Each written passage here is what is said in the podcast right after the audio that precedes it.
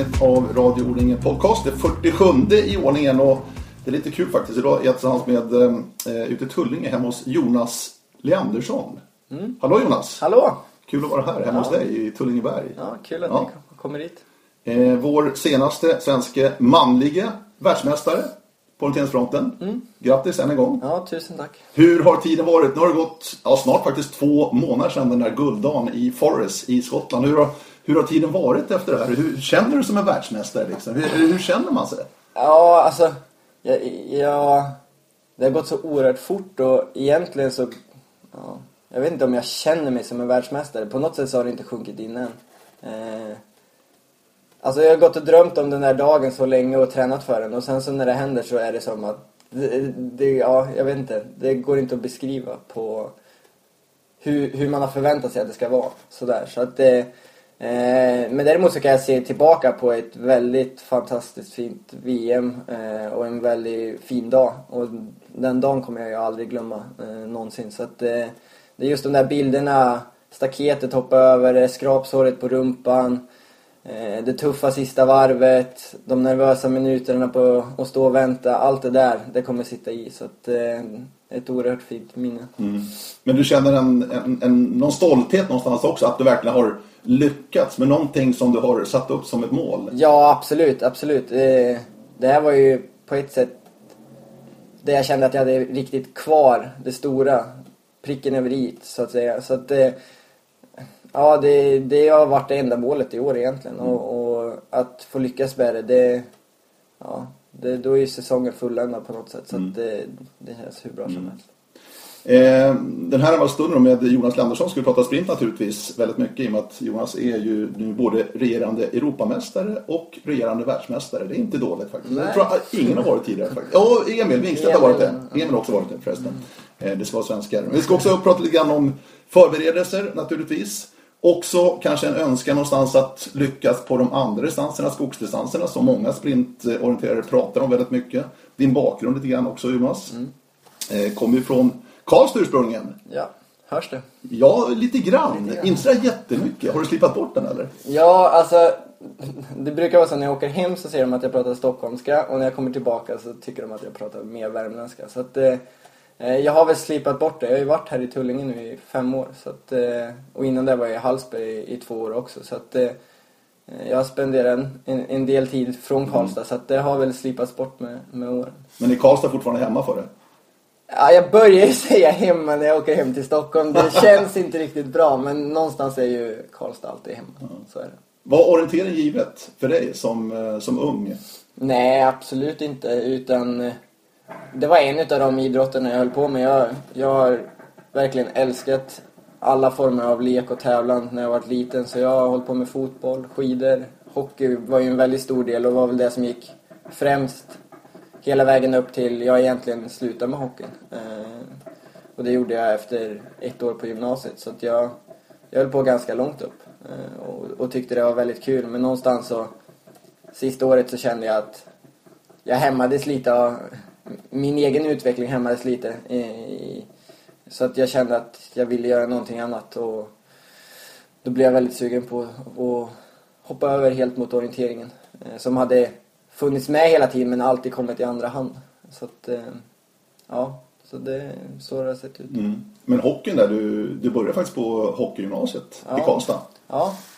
Så, att, du var ju talang där också. Precis, ja absolut. Och, och det, det var stort det och, och i en stor förening och många, många av mina kompisar har kommit väldigt långt idag så att det, det är klart att vi, vi var duktiga som lag och eh, det hade varit intressant att se hur långt man hade kunnat kommit där också. Men som sagt, jag kände att jag hämmades lite. Eh, kanske av min storlek till viss del just då. Eh, sen så tror jag att i längden så hade man byggt på sig och klarat det. Det finns många som är eh, i samma storlek som mig som klarar sig bra i dagens hockey också. Men, men det var någon, någonting som gjorde att glädjen försvann lite och då, då kände jag att eh, jag ville göra något där jag kunde styra och ställa lite mm. mer.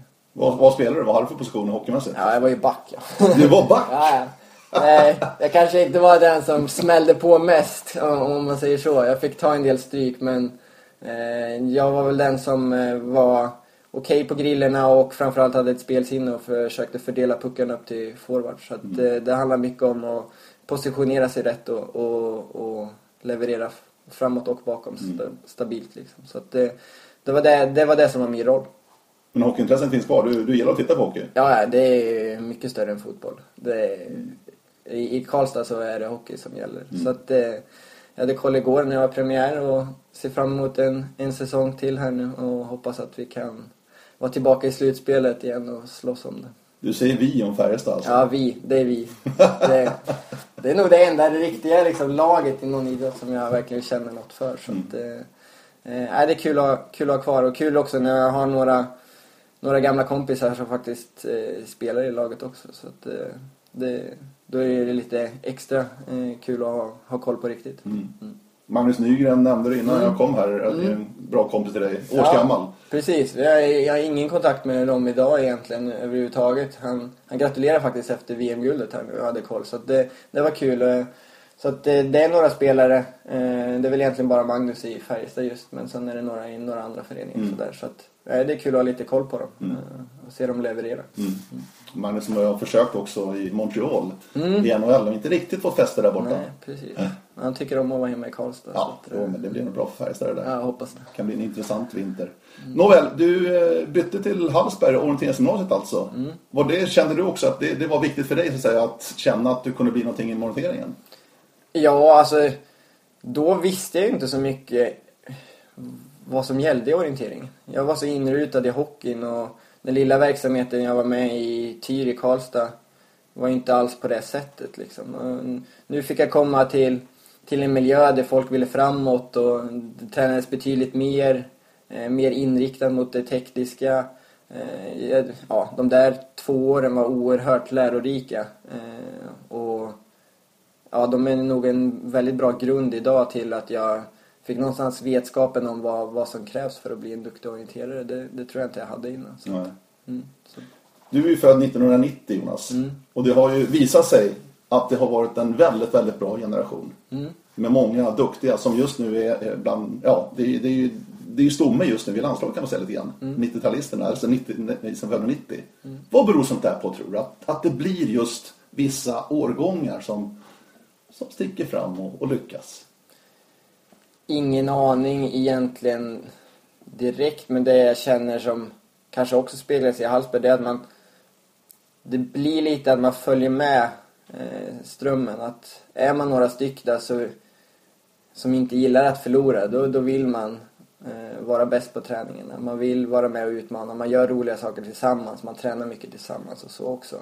Och då är det lättare att det fortsätter, tror jag också. Så jag har alltid sökt mig till de personerna också. Och det är väl därför det också har blivit så att vi har hållit ihop och sporrat varandra framåt. Vi har varit på många läger tillsammans, även eh, utanför orienteringsgymnasiet eh, med juniorlandslaget eller bara själva har vi också varit iväg också. Så att det, då, då blir det en annan sak. Det blir som en, en kompisgrupp fastän det är väldigt allvarligt när det väl är eh, tävling. Så att, eh, i, I vårat fall så tror jag verkligen vi har gynnats av att eh, ja, vara några stycken. Det tror jag. När, när kände du första gången att du skulle kunna bli bäst i världen? Var det någon tävling? Var det någon, ja, alltså, alltså var det någon tävling liksom du kände att wow, jag är bra på det här? Ja men egentligen så är det ju först efter EM-guldet i Falun som jag kände Ja. att, att ja, det, det går. Eh, jag hade ett väldigt bra lopp kommer jag ihåg året innan på före-EM i Falun också men det är egentligen först i Falun med den internationella konkurrensen som jag kände att shit, det, det här räckte så pass långt och, och jag känner mig inte färdig eller vad man ska säga. Så att det, det är väl egentligen först då. Sen så tycker jag att det har varit fascinerande de här åren efter när man känner att man har utvecklats. Att det, det ska klaffa så oerhört för att det ska funka just den där dagen. Eh, och det behöver inte räcka ändå. Så att eh, ja, då, då, då kan man se tillbaka och verkligen njuta ännu mer att shit, jag gjorde det faktiskt bäst utav alla den dagen. Eh, men det var, det var väl då det, det gick upp, tror jag. Mm. Vi ska komma tillbaka till det här med de här små, små marginalerna det handlar om i sprintorientering verkligen. Men till att börja med, att det blev sprint som blev din starka sida så här långt i alla fall i din karriär Jonas. Vad, vad beror det på tror du? Ja, en väldigt bra fråga. Det är klart att egenskaperna inom, inom sprint har passat mig väldigt bra. Jag har varit alltid väldigt löpstark. Så är det.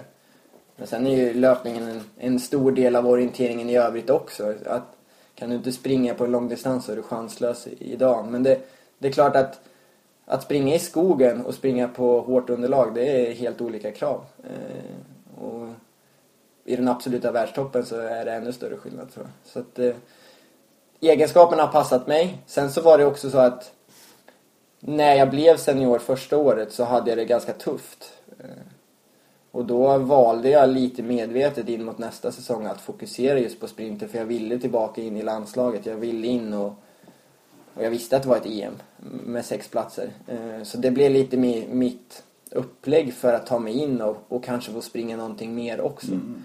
Så att det var en medveten inriktning kan man säga. Så du känner att det var större möjligheter att ta en plats där Absolut. jämfört med skogsdistanserna? Absolut. Ja. Eh, kanske också för att jag fick den bekräftelsen då just på före-EM i Falun där, där jag vann elitseriesprinten. Eh, så då, då, kände jag att ja, här har jag verkligen chansen. Eh, så att det blev någonstans lite, lite medvetet fokus på, på att etablera mig inom sprinten först. Absolut. Mm. Eh, men egentligen i träningen så har det ju inte varit så specifikt, tycker jag, som kanske många tror att jag kör väldigt, väldigt mycket sprintträningar. Eh, eller sånt fokus. Utan det är väl mer att jag har haft den här löpgrunden vid sidan av. Och sen har det tekniskt kommit allt eftersom. Eh, och de, efter EM så började vi åka på några sprintläger. Så det är egentligen först efter jag slog igenom som jag kände att jag verkligen började jobba ännu mer med de tekniska bitarna i, i sprint. Eh, och innan det så var det mer att det, det fanns där ganska naturligt. Mm. Mm.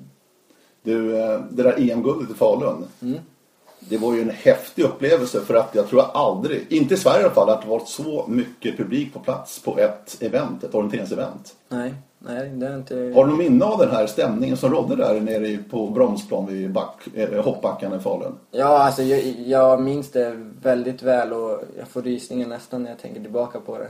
Jag minns när man kom över den här bron eh, och så var det full fart ner och jag var så fruktansvärt trött så jag tänkte bara att jag skulle stå på benen. Och sen så hörde jag inte Ja, det var ju du som var speaker så jag hörde ju inte vad ni sa överhuvudtaget för det var bara jubel överallt liksom. Så det var ju bara att ge järnet in i mål. Eh, och det är, det är en sån här, ja, varje gång man kommer i närheten av det så, så påminns man om det. Så det, det är riktigt häftigt. Det är teammiddag nästa år? Ja, får se om det är lika stämning genom natten men det, Ja, kanske om man får springa sista och några orkar hålla sig kvar. Ja. Mm. Men det var, det var ett bra lopp du gjorde där i Falun. Ja. Som ledde fram till EM-guldet. Alltså Absolut. du måste ju ha ett bra lopp för att kunna vinna på den här nivån. Så är det. Och det loppet är väl ja, det mest prickfria i, utav dem alla kanske. Det är så alltså? Jag hade den frågan lite närmare, längre fram där. Men du säger det att Falun är ett i princip perfekt lopp. Ja, nu ska jag kanske inte säga för mycket. Men det känns som det. Jo, men det det, det var det. Eh, och det, det som du säger, det, det, krävs ett i stort sett prickfritt lopp och i år var det också i stort sett prickfritt. Mm. Det, när man sitter och säger fem sekunder så... Ja, fast mm. i år var det, var det sekunder. Mm. Och i Falun var det också ganska ja, tight. Eh, så det, det är väl de två loppen som har kanske varit mm. mest rena. Mm. mm. Eh, sen försvarade du EM-guldet också i Portugal förra året, mm. förra våren efter ett väldigt fint lopp. Och Sverige, utav någon anledning. Är ju väldigt framgångsrika, är ju väldigt duktiga i sprint. Mm. Vad tror du det beror på? Alltså allt sedan VM-starten 2001 när Jimmy Bricklin tog guldet så har ju Sverige ja. dominerat. På här sidan ja. kolla antalet guld så är ju Sverige överlägsna. Ja. På här sidan. Ja, ja nej men nej, absolut. Vi, det funkar bra och eh, det är svårt att säga vad det beror på egentligen men det kanske alltid har funnits ett fokus på sprinten som... Eh, ja, det kanske direkt blev ett fokus på sprint i Sverige också. Att det var som vilken distans som helst. Eh, och eh, kanske också konkurrensen har gjort då att det har blivit att folk har medvetet velat specialisera mm. sig lite också. Det är svårt att säga. Sen så nu, ja, nu när jag och Jerker som har hållit på no, några år också, då det kanske visar också nivån som krävs och så kommer det underifrån som Emil nu som är på väg upp och, och så, så att det är ju svårt att ta en plats i, i det svenska, även i, ja, typ som i Schweiz också är det ju väldigt svårt att ta en plats. Så det, det, finns ju fler länder, absolut, eh, eh, som, som är med och slåss om det. Eh, vi pratar ju om några sekunder mellan att, mm. att lyckas och inte lyckas, men som nation så har vi verkligen hittat någonting. Mm. Och det lyckades verkligen då i Forest i Skottland här nu i början på augusti månad Jonas med VM-guldet. Hur var resan fram till den här tävlingsdagen? Om du liksom lite summariskt berättar hur många gånger du har varit där? Alltså hur, hur planen såg upp? För att det var ju sprinten som var ditt huvudmål mm. i Skottland och VM. Mm. Även om du sprang stafetten också naturligtvis. Eh, VM-guld i fjol förresten i Italien där på stafetten. Men ändå, hur, hur, hur planerar ni så att säga landslagsledningen och ni löpare inför ett mästerskap på det här sättet? Hur mycket tid lägger man liksom? Ja, nej men det, det är en intressant punkt, i, speciellt i, i dagsläget när även Strömstad diskuterar sådär. Att i Venedig till exempel så danskarna gick ut väldigt hårt efteråt och visade på sina förberedelser. Och jag kände väl spontant att vi var väl minst lika förberedda då. Eh, och arbetet mot Forrest börjar ju ganska direkt men också väldigt individuellt när, när du vill börja lägga fokus på en stad så att säga. Mm. Eh, när du vill lägga fokus på sprint generellt eller när du vill lägga fokus bara specifikt på VM. Eh, men tankarna har väl alltid funnits där och, och, i år som det var då fanns det en gammal karta över så du kunde ganska tidigt få dig en bild av hur området eh, såg ut bara genom att titta på kartan. Eh, men sen har vi också varit på läger där givetvis. Eh, och några var där på Euromeeting i områdena runt omkring. Vad blir det då? Eh, ja, det var ytterligare ett år innan. Mm. Men jag var inte där förrän precis nu i våras, tror jag. Och sen var jag där i klubben i höstas. Men då var jag inte i sprintstäderna faktiskt. Så att det, det var först i våras jag var där ordentligt. Och turistade igenom i, i området första gången och fick mig en, en bild av vad som väntade. Och jag brukar alltid tycka att i början så är det ganska skönt att bara ha en, en liten bild på hur det ser ut och vad som kommer ja, komma. Är det kuperat? Är det mycket små gränder? Är det mycket öppna ytor? Eller vad blir det för typ av, av område? Och det man kunde se ganska tydligt genom att titta på kartan det är väl att det är en huvudgata. Och sen är det många gränder in. Mm. Eh, så att någonstans där förstod jag och, och, vi diskuterade i laget vad blir liksom nyckeln i det här. Eh, och vi kom väl fram till att mycket kommer handla om om de inte sätter upp något staket så kommer det bli väldigt snabbt och ganska enkelt att se. För det finns alltid vägar fram ut via huvudgatan. Eh, men sätter de upp staket så kan det istället bli helt tvärtom. Och så har väl egentligen våra förberedelser sett ut hela vägen fram. Vi har eh, försökt vara i området och bilda oss en uppfattning och sen försöka lägga relevanta sträckor eh, som alla gör. Eh, och försöka bilda en uppfattning om hur banorna ska gå utifrån den informationen som finns i bulletin. Och det är ju väldigt speciellt när man får vara i området. Så är det. Eh, men klargör det bara. Ni får inte ha en karta med er då nej, i handen. Nej. Alltså det är viktigt att... Ja, det är väldigt tydligt. Det är, men det är också så här... Ja, vi, vi får inte ha en karta i handen. Vi får gå i området. Men eh, du kan ju liksom ha en mental bild av hur kartan ser ut. Till slut har du ju det. Mm. Eh, och det är väl det som det oftast diskuteras om. Hur mycket tid man ska lägga i det här och hur mycket som blir eh, förberedelse som gör att man tar bort orienteringsmomentet av att, att springa och inte ha vetskapen om hur det ser ut liksom, i, i, i området. Eh, och som det blir så... Någonstans blir det en väldigt individuell skillnad också. Jag vet, Jerker är väldigt noga att gå oerhört liksom. Jag blir mer att jag får nästan säga till mig själv att nej men nu, nu är jag nöjd liksom. Jag, jag har koll. Och sen så är det ändå den tekniska grunden som ligger. Jag måste ändå göra bedömningen. Mm. För sitter det ett staket där så måste jag ändå göra bedömningen liksom. Men det är klart att vi är förberedda så men det, det är inget speciellt i, i förhållande till de andra länderna. Jag tror Danmark har gått ett steg ytterligare faktiskt om jag ska vara ärlig. Mm. Eh, i, I sina förberedelser. Mm. Eh, vad man har hört så. Men eh, eh, det har ju blivit någonstans en del av spelet eller vad man ska säga. För att ja, det är öppet och man vet att de andra gör det. Och då, mm. då går vi också i området. Men men hur skulle, hur skulle du vilja se att det ser ut? Jag, jag vet inte om du har läsa, men jag, jag har läst Tulassen har du skrivit ja. efter årets VM också. Mm. Han som la ner oerhört mycket jobb i fjol och även lika mycket jobb i år. Mm. På att jobba igenom området, skapa egna kartor. Mm. Ja, kanske inte så mycket egna kartor i och med att det fanns en gammal karta nu, men ändå. Mm. Eh, preparera sig minutiöst verkligen. Och har ju lagt ner oerhört mycket tid i det här. Mm. Men Tulassen tycker att det gått för långt. Det är ju hans poäng. Han, han vill ju helst att det ska vara avlyst. Mm. Att man inte får vara i området. För att det tar ju tid alltså för er löpare här. Extremt mycket tid. Ja, jag håller med. Ja. Eh, jag, jag tycker motiveringarna för att det inte ska vara avlyst inte väger upp det. Varför det skulle vara avlyst. Eh, att det finns en karta så är det och de tekniska hjälpmedel som finns, Google Street View och allting, ja det kommer finnas, mm. så är det. det. det. kan vi inte styra så mycket över. Men att dessutom då öppna upp området gör det ju att eh, ja, vi löpare kan förbereda oss ytterligare ett steg och då, då är folk beredda att göra det också. Eh, så är det. Mm. Eh, I Venedig så var det ju inte öppet. Nej.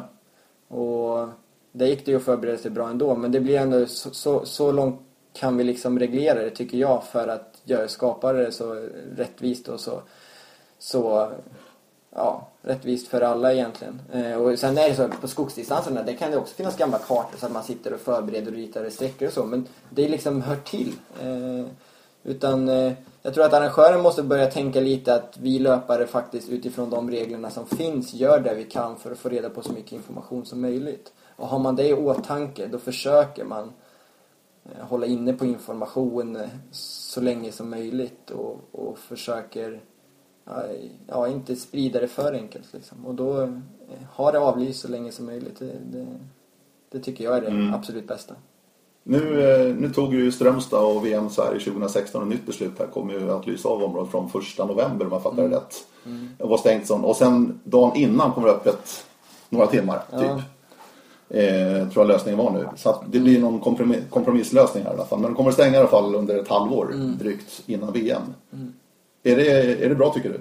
Ja, jag tycker det är bra. Mm. Men det skulle gjorts från början. Ja. Eh, nu är det ju lite på erfarenhet av det som hände i år. Eh, och där, ja, där de har sett och vad alla löpare har sagt. Eh, så att eh, det skulle ju kommit tidigare. Det är lite olyckligt att det kom när det kom liksom. Eh, men det är ett steg i rätt riktning, mm. absolut. Mm. Eh, så jag hoppas att det är någonting som IOF tar med sig framåt och till kommande mästerskap eh, ja, har det lite mer som riktlinjer att, mm. att det är så det ska gå till. Mm. Mm, det tycker jag. Eh, Okej, okay. VM då, Skottland. Eh, först ett kval som ska klaras av också. Mm. Det är, det är liksom inte bara så utan där måste man också vara fokuserad. Det är liksom ja. inte bara att ställa in vänster, vänsterdojan. Nej, nej, absolut inte. Det... Hur, hur liksom preparerar du för ett kval? För att ni lägger inte lika mycket tid på kvalet ska vi säga som finalen. Nej, nej men så Var är det. Förberedelser?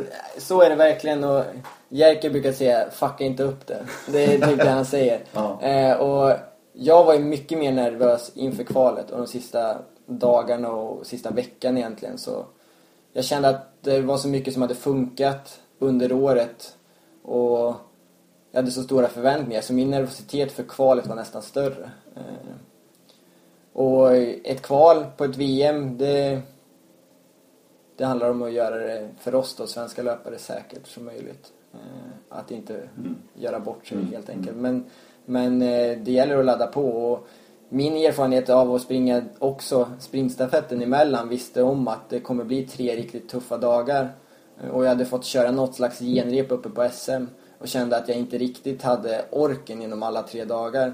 Så för mig handlade det väldigt mycket om att slå på och sen verkligen slå av eh, och, och våga koppla av emellan för att sen kunna slå på igen. Och det är väl det jag känner så här efteråt, att jag är väldigt nöjd med att jag lyckades någonstans behålla energin genom de tre dagarna och verkligen ha som mest energi på, på slutet och få mm. till det som bäst när det mm. gäller som mest. Så, Jag var lite orolig för att du tryckte på bra på sprintstafetten där dagen emellan, alltså kvalet Ja. och finalen. Ja, precis. Nej, jag hade inte så mycket att välja på när, när Kubuts kom upp där. Eh, Och han sprang ju inte sprinten heller, så han var ju riktigt stark. Nej, jag var själv lite orolig på, på morgonen efter, i ja, finaldagen. Kände att, det kanske tagit lite för mycket energi i, i benen. Eh, Men sen på uppvärmningen så tyckte jag det funkar bra. Och då, någonstans så handlar det om att på ett VM inte bli för nojig eller vad man ska säga, känna efter för mycket utan det handlar om att ha fokus på det du ska göra. Eh, Sen så kan du i efterhand fundera på om, om uppladdningen hade varit rätt eller inte. Men eh, eh, jag tyckte inte det påverkade mig så här i efterhand. Eh, innan vi lämnar kvalet där bara, på här sidan är det ju tufft. Alltså det var 50 sekunder ungefär i år. Från den som vann hittills till den sista som tog sig till finalen. Det är väldigt tuffa marginaler alltså. Har du råd att springa med lite handbroms ändå Jonas? Känner du det? Alltså inte handbroms fysiskt så på det sättet. Det, Nej men ta det liksom, jag. men, ändå, men kan du ta tid, någon extra sekund att här. våga ta sig tiden att, att eh, springa tekniskt rent. Mm. Eh, det är ju det optimala, men det är lätt att falla in i, i ett offensivt mönster. För när du ska springa final sen så vill du Mm. ha det. Men samtidigt så vill du inte göra bort det i final heller. Så att, någonstans handlar det om att ha lite balans i sin, sin, ja, sin teknik. Eh, och jag försöker vara lite mer disciplinerad i ett kval att om jag tvekar så tar jag en extra sekund. Eh, jag försöker ha det som riktlinje för mig själv. Sen vet jag inte om eh, jag alltid lyckas med det men det, det funkade okej. Eh, jag gjorde ändå några vägvalsbeslut som, som kostade mig lite tid i, i kvalet så att jag, det var, jag ska vara ärlig att jag gick och funderade lite efteråt. Eh, så. Men sen gäller det som sagt att koppla bort och blicka framåt. Men eh, ingen fysisk eh, så. Nej. Det tycker jag inte. Det är klart, kommer du på slutet och du, och du känner att det har gått bra då behöver du inte ge det här sista Nej. lilla extra. Men, men eh, inte från start. Nej. Nej. Radio Ring Podcast med Jonas Leandersson, världsmästare sprint, alltså Skottland här 2015. Vi gillar att gå ner på detaljer. Ja. När du pratar om uppvärmning Jonas inför finalen då i Forres. Ja. Vad handlar för din, din del? Vad, är- vad är uppvärmning för dig? Så att säga, när du ska känna dig preppa när du står där väl på startlinjen? Ja, ja, det där är ju speciellt. eh. Är du väldigt, har du rutiner? Du Ja, måste- det har jag. Jag har, jag har rutiner. Jag brukar jogga ungefär 10-15 minuter först, bara jogga omkring. Sen brukar jag stretcha och töja lite lätt bara sådär. Och sen så brukar jag göra lite ja, olika löpskolningsövningar och sådär för att känna att rörligheten och, och alertheten och allting är på plats och så avsluta med lite ryck. Så att jag har ju en slags rutin som jag gör. Eh, och när man var yngre så var det väldigt mycket att det skulle kännas, man skulle vara så himla lätt och fin, det skulle studsa och allting. Men det där börjar gå ifrån nu. Det, det brukar inte alltid stämma överens när du väl springer. Oavsett så kan du inte göra så mycket heller. Så att det är en del i, i, i uppvärmningen. Sen handlar det om att, att mentalt vara var redo. Eh, någonstans så, så har jag byggt upp för mig själv att det är okej att vara nervös. Det är okej att tänka tankar som jag kanske på förhand känner att det här ska jag inte tänka. Eh, Ja men det kan vara att resultatfokus kommer upp eller du har haft bilder genom hela vintern där du har sett dig själv liksom vinna det här loppet bara för att ja, ha det som motivation under vintern. Och någonstans så kanske de dyker upp men att istället för, för att få panik då påminna sig om vad, vad är det jag egentligen ska göra? Och sen någonstans så intalar jag mig att det är först när jag tar kartan som tiden börjar gå. Så att fram tills dess så har jag alla möjligheter att påverka det. Eh, Så att det är väldigt mycket snack med sig själv. Mm. eh, Att hitta rätt fokus. För mig är det. Mm. Eh, Och ibland går det bättre och ibland går det sämre. Men just fokus Mm. är en jättenyckel i just sprint för att det är så otroligt små marginaler. Mm. Alltså man måste ha ett extremt fokus hela vägen runt verkligen. Du har inte råd med den här 10 sekunders Nej, alltså. nej, absolut inte. Och i år hade du inte råd med någonting. Nej. Alltså, nej men så är det verkligen. Och Så att du jobbar mycket med det innan hör jag alltså. Ja, det, du, du gör det hela tiden och sen så är det bästa är ju om det går på liksom automatik när du väl kör igång. Mm. Men det gäller att inte tumma på det någonstans heller utan att bara jobba vidare en kontroll i taget. Eh, och i år tyckte jag det på ett sätt var rätt skönt då att inte starta allra sist. Utan att starta lite innan, att Mm. vara den som satte tiden på något sätt. Eh, för då hade jag ingenting att gå efter utan då var det bara att, mata på eh, hela vägen. Eh, jag valde att göra det så för att få en positiv ingång i det liksom. Mm. Och, och det lyckades jag väldigt bra med under loppet. Jag tyckte att jag växte in i det. Jag hade inte den, jag var ju efter en del i början och sen hade jag en väldigt stark mittenperiod. Det är egentligen, ja, det var det jag egentligen vann loppet. Mm. Så att, jag är väldigt nöjd med hur, hur loppet utvecklades. Men när du stod på startlinjen där, då insåg du att okej, här är starten. Mm. Såg du en bild framför då ungefär hur, hur, hur, vad som väntade? Ja, men det, det är det som är så intressant. Du kanske är nervös innan du går in i fållan, men när du kommer fram då, då, då brukar det vara som att tävlingen har startat. När du går fram till angivelsen, då börjar informationen komma. Du får reda på vad det är för punkter lite. Du, hur långt är det till startpunkten? Jag, jag kommer ihåg att jag tittade hur långt det var från sista till mål. Jag såg att det var en ås. Tänkte, det finns ingen ås på den här kartan typ. Och så var det 225 meter. Och då kom det en sån här tanke, shit en lång spurt, det passar inte mig.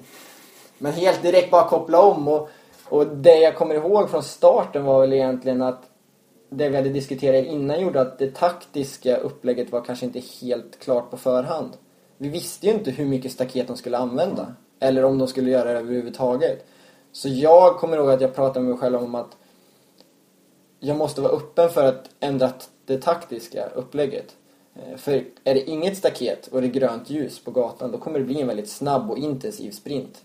Men är det däremot staket och ganska mycket staket då kan det bli Imatra-klass på det. Alltså det blir väldigt avgörande vägvalen att då måste jag stanna om jag inte har koll helt och hållet när jag ska ta besluten. Eh, så att det var det jag hade fokus på det sista. Så att när, vi sprang till start, eller när jag sprang till startpunkten och jag märkte att det var ganska långt och jag hade bestämt att jag sprang till ettan, då kollade jag faktiskt hela huvudgatan direkt. Eh, om det satt något staket där i alla fall. Och det gjorde det inte. Och då kände jag att okej, då sitter inget där i alla fall. Då kommer jag ut dit. Eh, oavsett. Så att, någonstans där så blir liksom också planen klar på ett annat sätt. När jag kände att okej, ja, nu vet jag vad som kommer. Men det hade det någon roll för dig? Alltså det spelar ingen roll om den är den här snabba då utan staket som du pratar om Jonas. Eller den här Imatra-stilen då med en labyrint i princip av staket. Jag kan fundera mycket på det innan men just då så inte. nej. Eh, då gäller det bara Det liksom bara att hantera det. hantera det. Mm, Exakt. mm. Och nu i efterhand kanske visar att jag klarar av både och egentligen. Så att det, eh, för mig då handlar det mest om att vara förberedd så mycket på vilket, ja, min taktik, hur den skulle se ut Mm. och hur jag skulle förhålla mig till banan. Det fanns staket men väldigt lite staket och de Ja. var inte så avgörande heller på den här Nej. banan. Nej. De som var utsatta. Eh, Men inte längs med huvudgatan och High Street där genom Forest. Vad var känslan när du väl kom iväg där då? Upp mot den första? Var det var inte så långt bort den första kontrollen? Ja, Då är det ju... Det är ju det som är så bra med sådana här lopp. Du kommer inte ihåg så mycket för att det, det går liksom av sig själv. Ja. Det jag kommer ihåg är dock till tvåan att eh, det är ju där mitt enda lilla misstag kommer. Eh, att jag gör en bedömning att jag ska springa höger genom en gata och ser inte riktigt en öppning eh, närmare som är ett givet vägval. Så i min ögonvrå så ser jag det eh, och tar en extra titt på kartan. Man ser att jag trippar några steg på, på någon film som finns och, och korrigerar mitt vägval helt enkelt. Och det räddar ju min dag där kan man säga. Samtidigt som det kostar mig lite tid. Så det kommer jag ihåg att och då, någonstans då kände jag att jag har koll på det här. Alltså, har jag ett sånt fokus att jag vågar ta till mig informationen och sen korrigera det. Eh, och vara så stark mot mig själv när det är ett VM. För att på ett VM så, du behöver inte fundera på hur snabbt du ska springa för du springer alltid lite snabbare. Det är, den inställningen har du liksom. Så att när jag kände att jag kunde korrigera det, då kände jag att nu har jag liksom kommit in i det rätt. Eh, Fast det går ju väldigt fort. Men under resans gång, under sån här intensiv tävling som verkligen en sprint är. Ja. Hinner du känna, nu är inte Forrest, då sprang du väldigt bra, men hinner du känna om du har en lite sämre dag? Hinner du känna, nej, det här var fel vägval? Alltså när du kommer fram och stämplar. Du du gör ingen miss egentligen, men du känner att nej, det här var nog fel. Och, och lacka lite grann liksom. Jo, men absolut kan du, du kan få sådana intentioner. Eh, jag kommer ihåg ett ställe innan varvning så, så var jag inte riktigt så bestämd till exempel. Och då kom jag ut i en korsning. Och så bestämde jag halvvägs i korsningen att nej, jag går vänster. Och då blir jag liksom så här mentalt i huvudet att ja, men jag hade ju kunnat gena till korsningen. Alltså en sån grej kan ju liksom Ja, ja, bara ja. dyka upp för att du är så inne i detaljer. Eh, Men eh, egentligen så hinner du inte fundera så mycket men du får ju feedback på det. Eh, Antingen från publiken som har koll eller via spiken för det är ofta varvning eller någonting. Så att, eh, en liten hum har man ju alltid. Eh, Men framförallt så känner man om vägvalen går knackigt. Eh, Det tycker jag. Mm. Men det, När fick du kvitto ut efter banan första gången att du, du var bra med det? Det känner du naturligtvis själv att du sprang bra Jonas. Ja. Men ändå, du fick någonting. Alltså ni passerade arenan men du kanske Ja. fick redan innan du kom in på arenan. Ja men det var ju eh, en situation där när jag ramlade. Eh, eh, det var väl kanske, vad kan det ha varit, två minuter innan, innan varvning Mm. eller någonting. Så stod Harry, Harry en som har hjälpt Helena med styrketräning bland annat. nära- Ja, Winnemäki, precis. Mm. Har varit väldigt nära landslaget och jobbat med och så också. Han stod och skrek på mig och sa att det går bra, du ligger bra med. Och sen så vet jag inte om det var adrenalinet som gjorde att jag i den situationen blev lite aggressiv i kurvan och sen så försvann fötterna på mig. Och sen så, han var så inne i hejandet så att han ändrade bara mitt i hejaropen till upp med dig, kör vidare, kom igen. Och så, så bara stod jag på benen. Och då kände jag liksom att, nej men jag har dagen. Eh, en sån här grej störde mig inte överhuvudtaget. Eh, och då fick jag en hum om att jag låg bra med också. Så, men sen visste jag ju om att jag startade ganska tidigt. Så att för mig blev det inte som att jag skulle safea på något sätt då. Utan det var samma sak vid varvning. Då hörde jag också att jag hade en ledning. En ganska stor ledning. Men då var det bara framåt som gällde. För jag visste att de här snabba killarna kommer bakom. Eh, så att... Eh, ja, lite, lite koll har du. Men eh, i den här situationen så var det bara att blicka framåt. Ja. Du är inne i din egen värld också. I, I min värld, ja precis. Och jag visste att avslutningen skulle bli tuff också. Ja, det, var ju, det var ju en riktig löpavslutning. Ja, och eh, så här i efterhand så tappar jag ju mest tid på spurt nästan. Så att, eh, ja, det, det är någonting som jag har att jobba med lite känns det som. Eh, men det räckte ju den här gången ändå. Mm. Du var väntan då när du väl kom i mål och fick stå och sitta och vänta då in de som var bakom dig i startlistan. Ja, de men- stora namnen. Precis, men just då när jag gick i mål så blev jag intervjuad. Jag kommer ihåg att jag sa att jag kanske inte trodde att det skulle räcka till medalj. För att du är så inne i loppet så du har inte hunnit filtrera hur, hur rent det är. Eh, och så här i efterhand så är det väldigt bra genomfört. Så att, ja, det är svårt att reflektera och sen så går det ganska fort där. Så att redan efter ja, några minuter så har ju sju, åtta löpare passerat och ingen har slagit. Men sen när bröderna Hubman kom där och ingen riktigt... Ja, de, de tog inte in det sista Nej. varvet. För det var det jag var lite orolig för eftersom jag hade tappat mot min klubbkamrat Andreu. Eh, så att eh, när de inte... Men han var nästan snabbast av alla ja, på han, var, slutet. ja, men han är helt... André Blanes, spanjoren alltså, Ja, som blev ju sjua. Fantastiskt bra lopp utav honom. Det är ingen som slår honom Nej, spurt han var imponerande stark. Ja. Ja, nej, han är helt otrolig när det gäller sådana saker. Så Ja. jag får åka ner till Spanien och träna lite sport. Ja, just det. Precis. Nej men så att jag, då kände jag egentligen ingenting. Eh, Men sen så visste vi om att Jannik hade gjort en väldigt stark upp, eller en start. Så att eh, det var väl egentligen först när han verkligen inte kunde utmana. Då, då visste jag att nu blir det väldigt, nu räcker det väldigt långt. Mm. Känslan är ju lite grann, och det är också en intressant aspekt tycker jag på sprinten just att man ska ju orka hålla farten hela vägen hem till mål. Det är som ett 5000 meters lopp ungefär, rent tidsmässigt, en sprint. Ganska lik faktiskt. Eh, Yannick Michels är ju jätteduktig löpare, fantastiskt duktig löpare. Eh, har ju varit under 14 minuter på 5000, vilket är imponerande. Ja, det är oerhört. Ja. Men känslan är att han kanske går ut lite för hårt och inte orkar. Han står inte upp fysiskt hela vägen hem till mål. Är det här någonting du också tänker på? För att det gäller ju verkligen att stå distansen. Rent fysiskt. Nej men, eh, alltså... Hur tänker du i det här? Eller är det liksom full kareta redan från startsignalen liksom? Eller hur funkar det? Ja, nej men det... Det pratas mycket om att Wingstedt då öppnade väldigt lugnt. Ja. I någon backe upp till start han tappade fem sekunder eller någonting. Och alla trodde att han var ute och joggade eller någonting. Och sen så vinner han i mål ändå. Så det har man ju hört under årens gång liksom. Och jag har inte riktigt reflekterat över det för det känns som att man kör från start liksom. Men så förra året när jag var i mitt livsform kanske och var en av de, ja kanske den största favoriten var Mm. efter kvalet där också. Eh, så strulade jag lite på första kontrollen och sen öppnade jag väldigt hårt det mittenpartiet. Och det fick jag alltså lida av oerhört på slutet. Jag har aldrig varit så trött sista varvet på en sprint. Eh, någonsin. Så där fick jag en liten tankeställare att det går att springa sig stum för tidigt. Och även nu när sprintstafetten kom in i bilden så tycker jag det, de erfarenheterna har kommit fram tydligare.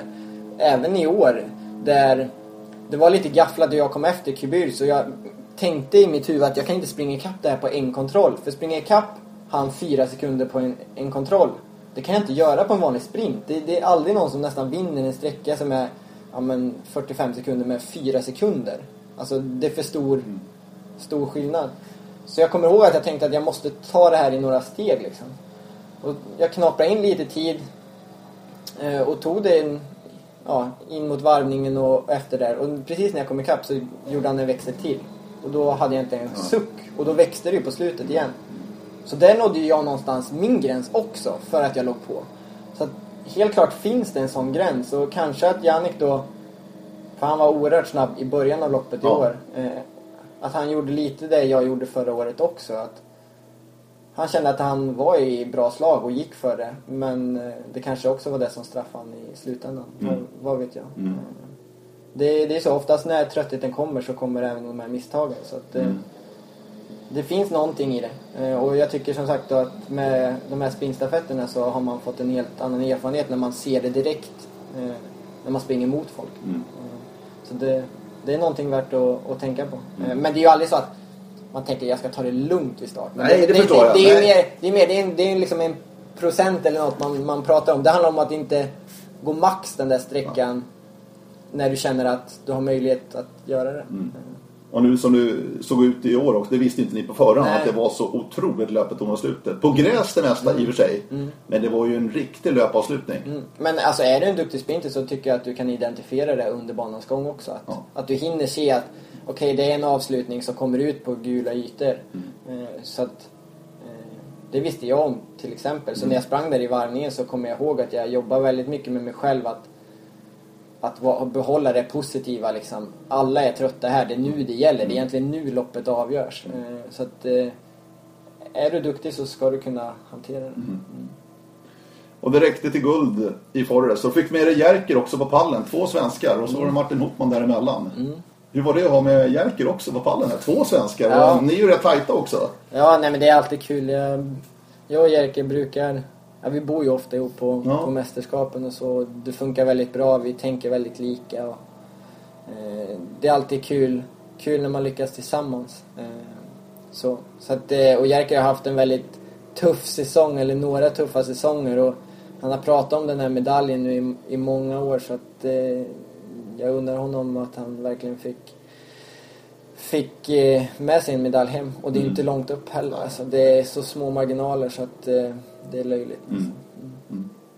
Ja, var det? Han britten var ju åtta. Eh, Jones Ja, var väl 12-13 Ja, sekunder efter dig precis, Jonas. exakt. Och var åtta. ja. Det, Så du hade ju sekunderna på din sida. ja, ja, men så är det. Och det, det är ju det som är... Ja, det är det man vet om. Att eh, det är så små marginaler till att man står där utan medalj helt och hållet. Och nu står jag här och har Mm. den finaste av dem alla. Så Mm. att, eh, ja, det är hårt. Och just nu är det du är den alla jagar nu för att som jag sa, du är både regerande Europamästare och världsmästare. Mm. Och du har ett frikort till Strömstad redan. Det är rätt skönt. Ja, det är, det är skönt. Som världsmästare har du en friplats alltså. Ja, nej men det, det är skönt både för mig och, och för oss som lag också, Mm. tänker jag. Att eh, det är bra att ha den där extra flygplatsen. Men du är svensk mästare. Nej, det är jag inte. Hur inte går- på, hur inte på, inte på Jag får inte ihop det här riktigt, nej. alltså. Nej, det, det säger väl lite om kvaliteten på sprint i Sverige. Ja. Eh, så är det. Eh, så att kanske är det det som blir ett av fokusen nästa år. Mm. Eh, vi får se. Det har varit svårt att knipa det där guldet i Sverige. Jag har varit nära. Mm. En sekund i Göteborg var det. Mm. Gustav spurtade om mig på spurten. Så att, ja. Vi får väl se. Det mm. kanske kommer. Det kanske kommer, man vet aldrig. Du, eh, vid sidan om orienteringen mm. så pluggar du fortfarande Jonas. Mm. Ska bli sjukgymnast eller fysioterapeut. Precis. Som den nya benämningen är. Precis.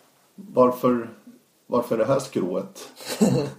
Nej men det har, det har växt fram. Det, jag kommer ihåg några situationer där jag varit skadad och både från hockeyn och från orientering mm. där jag tyckte det varit väldigt intressant och, och kul och, och lärorikt. Och det är ju verkligen en del av elitidrotten att kunna hålla sig hel och frisk. Eh, och det har varit väldigt prioriterat från mitt håll. Så därigenom har intresset växt fram. Och kommit fram till att jag ville eh, testa på det och har tyckt att det har varit väldigt intressant och lärorikt. Eh, men det är en lång väg att, att vandra fortfarande för att känna att man vill bli så duktig på det. Mm. mm Men har, har du lärt känna din kropp bättre tycker du under den här resan, den här utbildningen? Ja, jag tror jag har haft, haft oerhörd nytta av det. Eh, det tror jag. Eh, det är kunskaper om allt ifrån ja, men, symptom och sådana saker till att framförallt ja, kunskaper kring hur strukturer och saker läker och eh, ja, men att hur det ser ut med en muskel som kanske inte har full kapacitet. Eh, skaderisker och, allting runt omkring. Att jag har alltid prioriterat att vara så pass hel att, och ställa upp mig på startlinjen att inte ha några bekymmer för att jag känner att om jag ska stå på startlinjen vill jag vara 100% eh, för att kunna nå de resultaten jag vill. Jag tror inte att min bild är att jag skulle inte kunna nå de resultaten om jag har några procent som strular liksom mm. här och där. Så att jag tror det har speglat sig. Men det är ju intressant för man får båda sidor. För eh, jag själv träffar patienter då på praktikplatser som vill så mycket och man måste bromsa idrottare. Och så är jag själv idrottare. Det är en sån svår gräns att kunna bromsa sig själv i stunden för att det närmsta som kommer, den närmsta tävlingen är oftast drivkraften och det du ser fram emot. Men på ett längre perspektiv kanske det är mer realistiskt att, att bromsa redan nu och, mm. och våga eh, ta det lugnt. Eh, så. Men eh, jag tror jag har haft väldigt nytta av det. Eh, faktiskt. Mm. Du, hur funkar du då när du ska få hjälp ute på era läger och samlingar och tävlingar och annat? När Martin Holt eller någon annan av de här sjukgymnasterna som är med då, er i landslaget Ja, När du lägger dig på britsen liksom ja, och nej, ska men... knådas, är du där och säger att nej, så där kan du inte göra? nej, det är inte. Jag har inte den erfarenheten, men det är klart att vi diskuterar mm. Eh, på, ett, på ett sätt. Jag vill ha koll liksom och, ja. och, diskutera fram vad, vad det skulle kunna vara och hur vi ska lägga upp det liksom. Men är det bara någonting som kortsiktigt ska behandlas så, så är det inga problem. Ja. Förutom att jag är lite rädd för de där nålarna så att jag, jag får kampas med mig på det sättet. Men, eh, nej, men det, det brukar aldrig vara något problem utan det är snarare att jag kanske lär mig någonting framåt också. Eh, mm. Men jag tror det är alltid bra att ha den dialogen. Eh, då får de så mycket information också som möjligt för att kunna bidra och hjälpa mig. Mm. Så är det. Hur länge ska du plugga till? Hur ser det ut? Eh, ja, nu är det, det sista, sista året här nu. Ja. Med examensarbete här närmast. Mm. Eh, så får vi se. Det går att plugga mycket mer också. Men vi får se om det kanske är dags att testa på yrkeslivet också mm. sen. Mm. Vi får se. Ja. Eh, vi ska alldeles strax avsluta med O-ringen tänkte jag i och med att det är mm. Radio O-ringen podcast här. Men först bara hur mycket längtar du efter att lyckas också i skogen? Jag var inne på det tidigt här lite grann. Mm. Men eh, som sprintorienterare, ni liksom blir ju ett fack någonstans mm. va? Men ni har ju ändå kompetensen och är kapabla även i skogen. Ja. Hur, hur sugen är du liksom på, nu har du tagit ett guld i sprint. Mm. Hur mycket skulle du liksom åtrå ett guld i medel eller lång liksom framöver? Ja, det, det, är klart att det skulle vara oerhört stort. Så det, det, det ja, jag, jag, jag, svänger lite fram och tillbaka. Jag, jag har liksom mål och ambitioner om att ta steg successivt på de andra distanserna. Jag har sagt till mig själv att våga ha tålamod för att jag kanske har känt att eh, ja men det har tagit lite längre tid att, att utveckla de egenskaperna eh, för att kunna klara av det. Men jag har fått så pass många kvitton under åren att jag kan göra det. Det gäller bara att få kontinuitet i det och sen kunna leverera på även internationell nivå. Och just nu känner jag väl att jag kanske har lite för lite erfarenhet just nu av att riktigt fått springa det utomlands och, och verkligen för att kunna stå på startlinjen även på ett mästerskap och känna att nu kan jag vara med och slåss om det. Eh, men ambitionerna är ju framåt och sen får det gäller att ja, eh, inte tänka för mycket heller utan eh, någonstans våga satsa mot det och sen så får man se vart det bär lite också.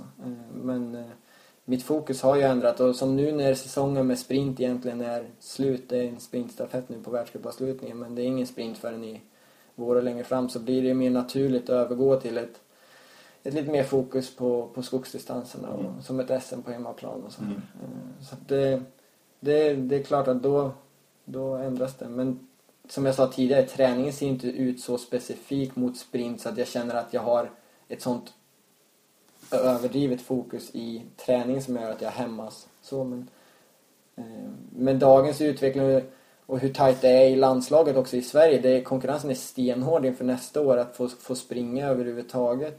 Så att det, eh, det, det går ju lite åt att det blir lite specialister också. Så att det, det kanske blir ännu svårare att slå sig in på de andra distanserna. Mm. Men kapaciteten finns där. Det handlar om att bygga upp en, ett självförtroende och en trygghet och en, som jag sa, en kontinuitet att leverera samma stabila insatser där som, som på sprint. Mm. Eh, Eh, det är nog mycket självförtroende också. Eh, det tror jag. En som verkligen visar här år efter år, det är ju Daniel Hopman. Mm.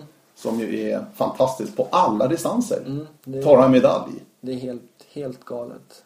Han springer i princip allt, utom sprintstafetten då, som han inte springer. Mm. För att vila någon dag då. Men med det programmet och att ta medalj på alla distanser. Mm. Eh, förutom sprinten då i år, ja. men ändå med medel vann han guldet. Han var ju väldigt nära också. Han var ju väldigt nära, ja. Men vad, vad säger alltså... Jag är fascinerad över att han att han klarar det. Men någonstans har han de egenskaperna som krävs för att kunna blanda. Och Mattias Kubis har ju också ja. visat mångt och mycket i världscupen att han har det. Sen kanske han inte har fått ut max på, på mästerskapen. Men det finns några löpare som klarar av att har just de här egenskaperna som, som krävs för att mm. även klara alla distanser. Så att det visar ju på att det, det går. Mm. Eh, det gäller ju bara att hitta de här riktiga nycklarna som de gör också mm. och försöka slipa på dem. Men de är ju framförallt oerhört jämna tekniskt. Det är det det handlar om. Mm. Oavsett distans så, mm. så har de de tekniska bitarna på plats mm. och deras fysiska nivå deras grund som de har kanske i Schweiz med, med kuperingen och, och, och det fasta underlaget gör väl kanske att de är lite förberedda för, för både skogen och mm. vägen mer naturligt. Mm. Men jag tänkte komma tillbaka till det vi pratade om väldigt mycket inför sprinten då, och Forrest speciellt i år, det här med ditt fokus. Mm. Där har du inte råd med en fem sekunders bom nästan. Nej. Men... Men ute i skogen har du ju ändå lite större marginaler alltså. Det är fortfarande väldigt, väldigt tajt, mm. självklart. Men ändå, det, det, de marginalerna är ju något större i skogen ändå. Mm. Är det att du inte kan ha fokuset lite längre tid eller vad handlar det om egentligen? Vad tror du? Ja, för det första så skiljer det tekniska helt annorlunda. Ja. I, i, I staden så har du ju dina objekt som är förbjudna eller vad jag ska säga. Eh, I skogen mm. så handlar det mer om att anpassa sig efter hur terrängen ser ut. Mm. Det är liksom mikrovägval på vägvalen som avgör mm. hur, hur eh, hur snabbt du tar dig framåt. Och de absolut bästa är så oerhört duktiga på att förenkla och göra det så säkert som möjligt. Eh, så att det, och de gör det i alla terrängtyper. Jag kan känna att det är vissa terrängtyper som i Stockholm så är jag nu bekväm med det på ett sätt. Liksom. Det gäller att bygga upp den erfarenheten så att du är bekväm med det i alla terrängtyper. Eh, det är det som, som jag har sett som den viktigaste delen. Sen så är det en självförtroendefråga. Jag upplever till exempel att jag känner mig mer lugn i en sprint under en sprint med de snabba beslut som ska tas det är där, märkligt alltså. jämfört med en medeldistans. Ja. Eh, kan jag uppleva. Men det är självförtroende mycket? Det kanske har mycket med självförtroende men det är någonting i det som gör att jag är, ja, känner mig mer lugn och bekväm mm. i att de besluten jag tar eh, inte upplevs mm. stressande på det sättet jämfört med medel. Och det är någonting jag liksom har reflekterat över och försöker jobba med här nu här framåt. Och nu är det ju medel till helgen så vi får väl se om jag mm. kan lyckas behålla lugnet. Ja, precis. Du, um, O-ringen. Mm. Jag minns det framförallt från Skåne förra året. Du gjorde en Ja. fantastisk vecka där. Alltså, Keri var ju, var ju nästan oslagbar. Ja. Men du och Jerker, tvåa, Sprinten. trea. Men det måste varit en otroligt härlig vecka för dig att verkligen visa hur duktig du är. Ja, eh, och ja, framförallt för mig själv. Ja, Att kunna visa. ja men även andra. Ja, även andra. Det är klart det är så. Eh, Men mest för mig själv och känna att jag klarar att göra det flera dagar i rad. Och eh, på de längre distanserna, på medien var det fantastiskt bra och, och sprinten som vanligt. Så att, att kunna göra det en hel sån vecka var, ja, det var väldigt viktigt för mig eh, framåt. Och det är det jag blickar tillbaka på många gånger när jag börjar tvivla också nu. Så att det, eh, det har jag nytta av. Nu gäller det bara att försöka hitta tillbaka till det. Eh, vad framgångarna var där och, och försöka efterlika det så mycket som möjligt. Men det handlar ju mycket om självförtroende. Vi kommer hem från ett VM där ja, VM-guldet i stafett och, och lite avslappnad stämning men ändå väldigt allvarligt när det var tävling gjorde att jag lyckades där och någonstans hitta den balansen. Det, det är väl kanske nyckeln. Mm. När var du med på ditt första O-ringen? Kommer du ihåg det Jonas? Jag tror det var hemma 96 Sex, va? ja. Mm, I Värmland. Eh, morfar var med. Då var inte du så gammal då? Nej, då var jag sex år. Så då var det inskolning eller de lättare Ja. klasserna. Men det, det har några sådana bilder. Sen var det ju O-ringen i Dalarna. Där jag sprang. 99. Mm. Mm. Så sen var jag med hela vägen fram. Det är väl först de sista åren det har, blivit lite fram och Mm. tillbaka. Mm. Eh, Så. Men eh, jag hoppas kunna vara med framåt. Det kommer ju till Värmland snart igen. Så, att, Ja, just det. så det ska bli häftigt. Arvika. Mm. Ja. Och nästa år kanske passar också för att springa några dagar i alla fall upp i Sälen. absolut. Eh, jag Som är fina- lite pre-camp där uppe. Precis, jag har fina minnen från förra gången det var i Sälen också. Så att det, det hoppas jag absolut att Mm. eh, det blir några etapper. Och avslutningsvis 2016. Mm. Ska du försöka försvara både EM-guldet och VM-guldet. Mm. Och VM går alltså hemma i Sverige, Strömstad. EM går ner i Tjeckien. Mm. Känner du trycket liksom inför nästa år nu? Att nu då, till bevis här för Leandersson. Alltså jag tänker inte så. Jag tänker att de där gulden har jag. Och det är snarare att det är en fördel att jag bara kan känna att eh, jag har lyckats, jag kan göra det igen. Och eh, istället se fram emot det oerhört mycket. Och ett VM på hemmaplan får du inte uppleva så många gånger. Så att eh, verkligen eh, kunna ta sikte mot det och göra någonting bra utav det. Eh, så att jag ser det snarare som en fördel. Att jag vet vad jag kan och att de andra vet vad jag kan också. Och hur är det med träning? Skruvar du på träningen liksom? Att du taggar upp eller kör du den plan du har kört de senaste åren? Eller hur funkar det för dig? Eh, alltså, som jag sa tidigare, mitt fokus har främst varit att vara hel och frisk och sen har träningen fått gått lite därefter. Och det funkar väldigt bra och i år så har jag varit väldigt eh, hel och frisk genom hela säsongen. Så det kommer vara huvudfokus och träningen har successivt stegat upp. Nu känner jag att nu börjar jag nosa på nivåer där jag känner att jag kanske inte kan öka mängden så mycket men det går alltid att jobba med bitar, detaljer där, där det kan förbättras. Så att det, det handlar om att finputsa. Det är liksom ett nytt mästerskap är inte det andra likt och det kräver olika typer av förberedelser. Så det, det gäller att hitta de här detaljerna och jobba på. Jonas Leandersson, lycka till inför 2016. Ja, tusen tack. Kul att du var med här på Radio O-ringen Podcast. Har ni några funderingar, tankar, önskegäster kanske? Skicka gärna ett mejl till radio o-ringen.se. Därmed säger vi tack och bock ifrån Tullingeberg. Det var Radio O-ringen Podcast nummer 47. Ha det bra, hej då!